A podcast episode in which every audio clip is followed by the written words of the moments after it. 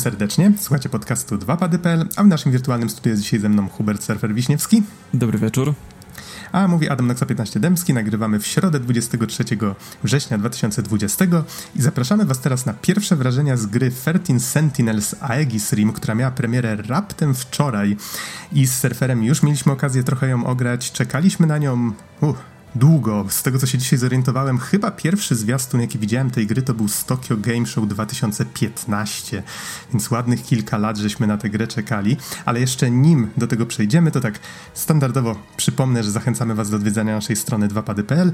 Możecie nas znaleźć na Spotify, zamieszczamy odcinki na YouTube i mamy nadzieję, że ten odcinek ukaże się na YouTubie również z gameplayem w tle. To jest coś nowego, co surfer postanowił przetestować i zobaczymy, jak nam to wyjdzie. Więc tym bardziej zachęcamy, żebyście odwiedzili naszą wersję właśnie tego odcinka na YouTube i zobaczyli, skomentowali jak to wygląda. Czekamy na wasz feedback. Możecie też pisać na Facebooku, na Twitterze. Muszę wziąć oddech, bo zaraz zabraknie mi powietrza. Również możecie odsłuchać naszych odcinków na Spotify, na Apple Podcast, w różnych aplikacjach podcastowych opartych na RSS-ie oraz jeżeli chcecie wesprzeć mm, mm, montaż finansowo montaż kolejnych odcinków, to możecie to zrobić na Patronite i dziękujemy wszystkim, którzy już to robią. Dobrze, surfer. Przejdźmy w końcu do tych 13 strażników. Sprawdziłem, co znaczy Sentinels, bo oczywiście totalnie zapomniałem.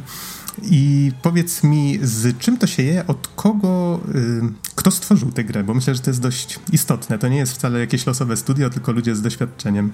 Tak, mówimy tutaj o Vanillaware, które jest częścią Atlusa.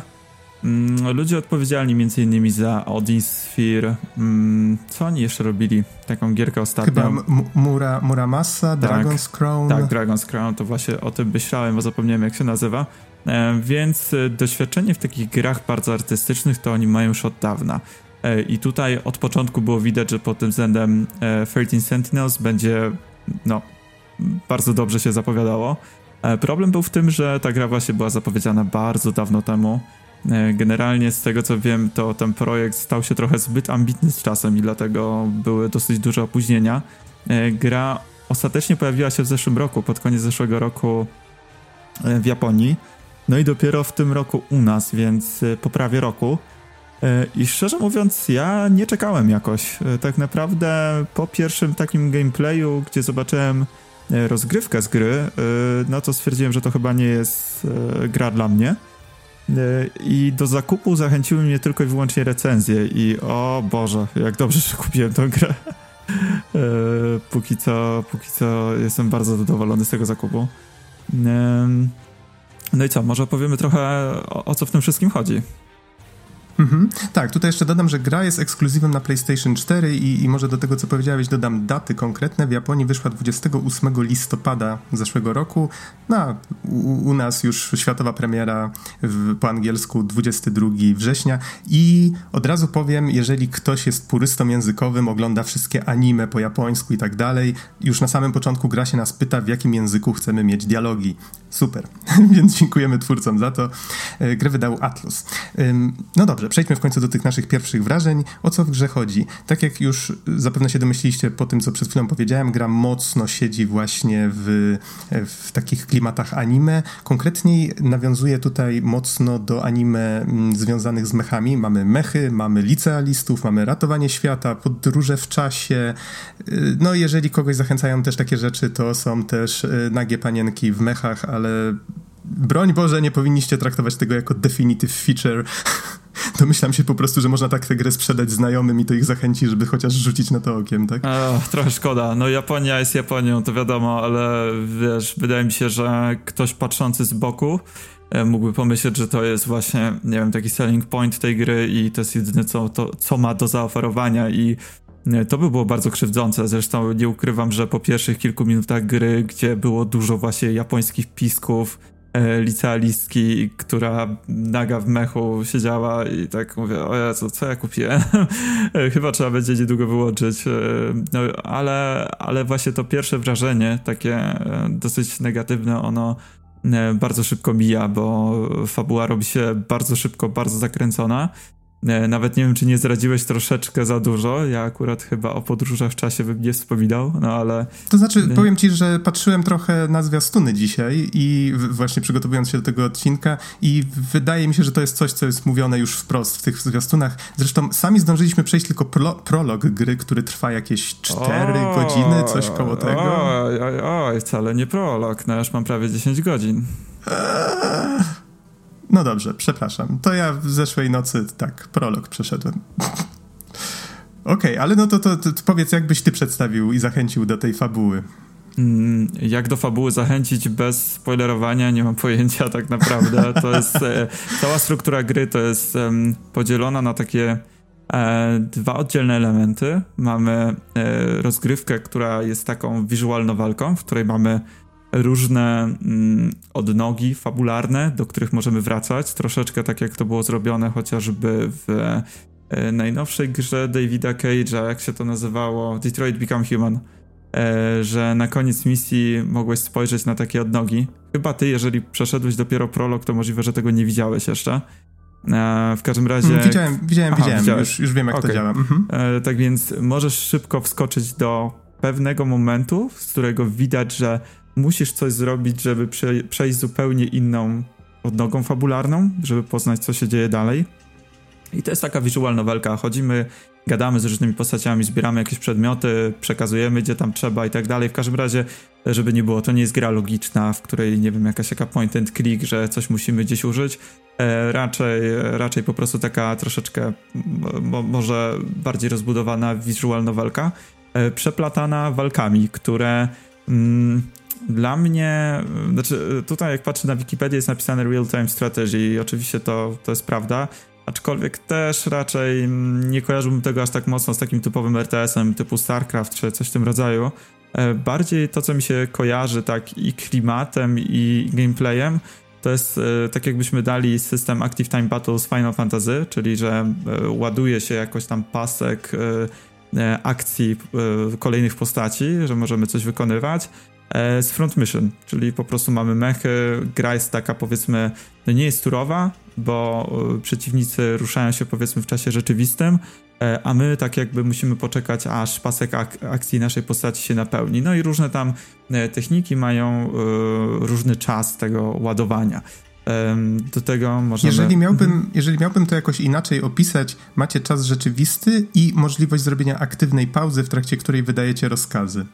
Tak, tak. I w, momencie, I w momencie te, te, rozkazy wykonują się momentalnie, więc jeżeli każemy na przykład wystrzelić pocisk w jakąś stronę, to wyświetla się taka animacja, że ten pocisk leci w daną stronę, jest wybuch i dopiero wtedy czas zaczyna lecieć znowu, więc to, to, to mhm. jest takie dość mocno umowne. Mhm. Tak, ale bardzo dobrze to opisałeś. W każdym razie też oczywiście są różne rodzaje umiejętności. Są umiejętności, które e, działają przez ileś czasu, e, nie wiem, typu właśnie jakieś... Um, ataki typu atak rakietowy, który trwa jakoś dłużej, prawda? Czyli przeciwnicy mogą wejść w jakieś pole, które jest ostrzeliwane na bieżąco, albo możemy stawiać jakieś wieżyczki, które będą strzelały do wrogów, które będą się, którzy będą się zbliżać i tak dalej.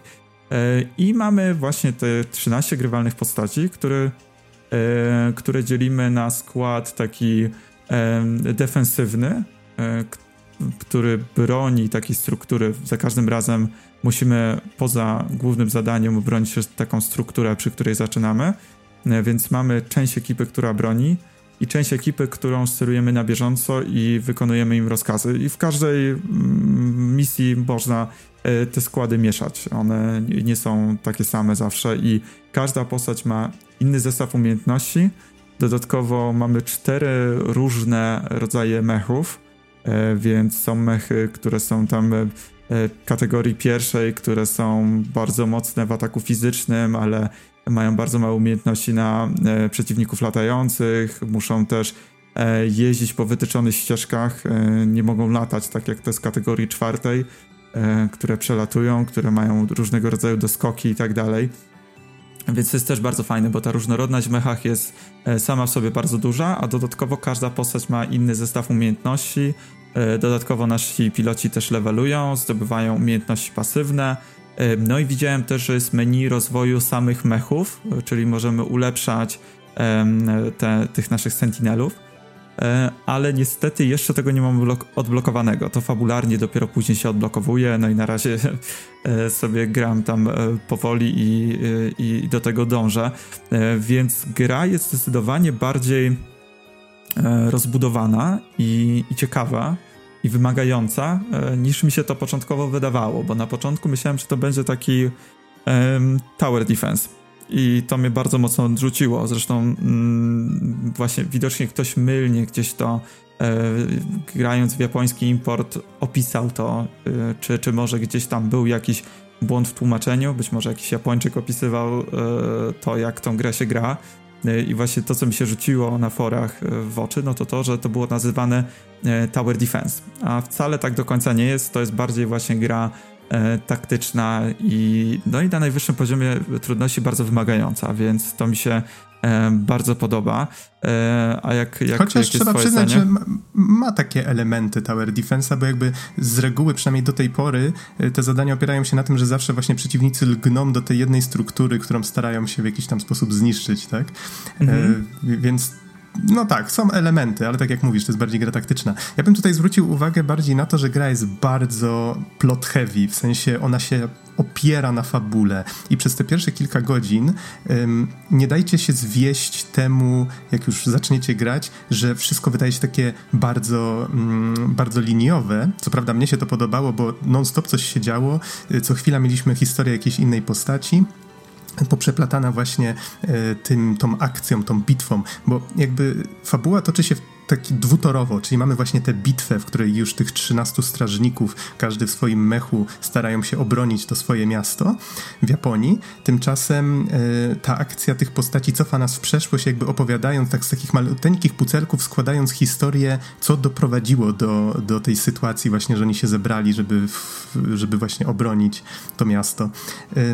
I to jest całkiem fajne, to bardzo fajnie właśnie się tak składa i Teraz już jak skończyłem ten prolog, to nawet, nawet nie zacząłem jeszcze historii wszystkich postaci. Tam, jeżeli ma być ich 13, to prawdopodobnie pojawi się tych wątków tam jeszcze więcej. I właśnie po tym prologu, po tych kilku godzinach gra się tak otwiera i wtedy już możemy sami sobie decydować, czy na przykład teraz chcemy bardziej się skupić na gameplayu, a może właśnie wrócić do tych drzewek fabularnych, a może poczytać sobie tam jakąś encyklopedię jakichś tam dodatkowych faktów i odblokować za zdobywane punkty jakieś kolejne właśnie tam fabularne ciekawostki. Y, więc jest tego całkiem sporo. Tutaj jeszcze coś, o czym warto wspomnieć, jeżeli ktoś grał w gry Vanillaware, właśnie w tam Wodin Sphere chociażby, to wie, że mm, oni zawsze mają właśnie ten swój taki ręcznie malowany styl, co zresztą mnie dziwi, bo chyba założyciel tego studia jest w ogóle artystą e, i chyba właśnie takim reżyserem artystycznym wszystkich tych gier. I widać właśnie, że to jest podobnie jak tych poprzednie gry, taka bardziej platformówka 2D i w ten sposób prowadzona jest narracja, czyli możemy się poruszać tą postacią. Wygląda to odrobinę właśnie jak takie przygodówki point and click w starym stylu, ale nie ma tam czegoś takiego, po prostu podchodzimy do postaci, do przedmiotów, klikamy, czy znaczy klikamy, naciskamy, że chcemy coś tam podnieść, czy wejść w interakcję.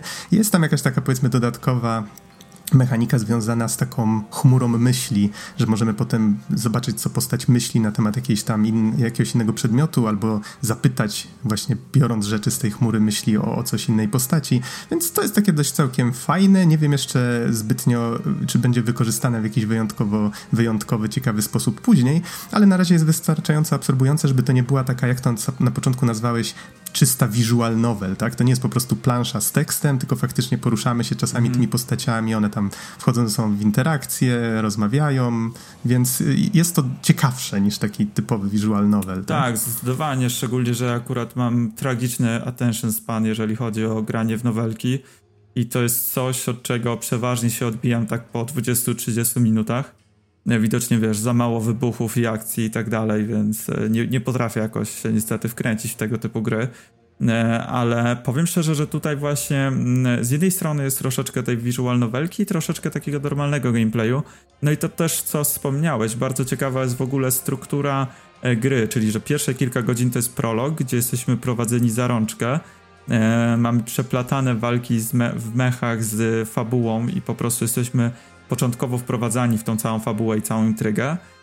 No i w pewnym momencie gra kończy prolog i mamy do wyboru trzy opcje, czyli właśnie tą walkę, o której mówiłeś, tą obronę miasta, mamy e, fabułę, w której możemy wybierać te, te postaci, chociaż na początku nie wszystkie są odblokowane i też, żeby pewne postacie pociągnąć fabularnie dalej, musimy zrobić coś innymi postaciami, więc to też nie jest do końca tak, że e, jesteśmy w to wrzuceni i sami sobie musimy z tym radzić i e, jak tutaj sobie dawkować tą fabułę, którymi postaciami grać i tak dalej, bo w pewnym momencie i tak e, daną postacią dojdziemy do jakiejś blokady, na zasadzie, że musimy jakiś wątek fabularny pociągnąć inną postacią, albo inną postać odblokować, albo przejść daną bitwę. Więc to wszystko się ze sobą łączy. No i mamy właśnie te nasze znajdźki i tam jest taka baza wiedzy, co jest czym, co jest bardzo przydatne, bo na początku gra no, wrzuca właśnie nam od razu te 13 postaci głównych, e, pojawiają się też inne postacie poboczne, więc czasami można się pogubić kto jest kim.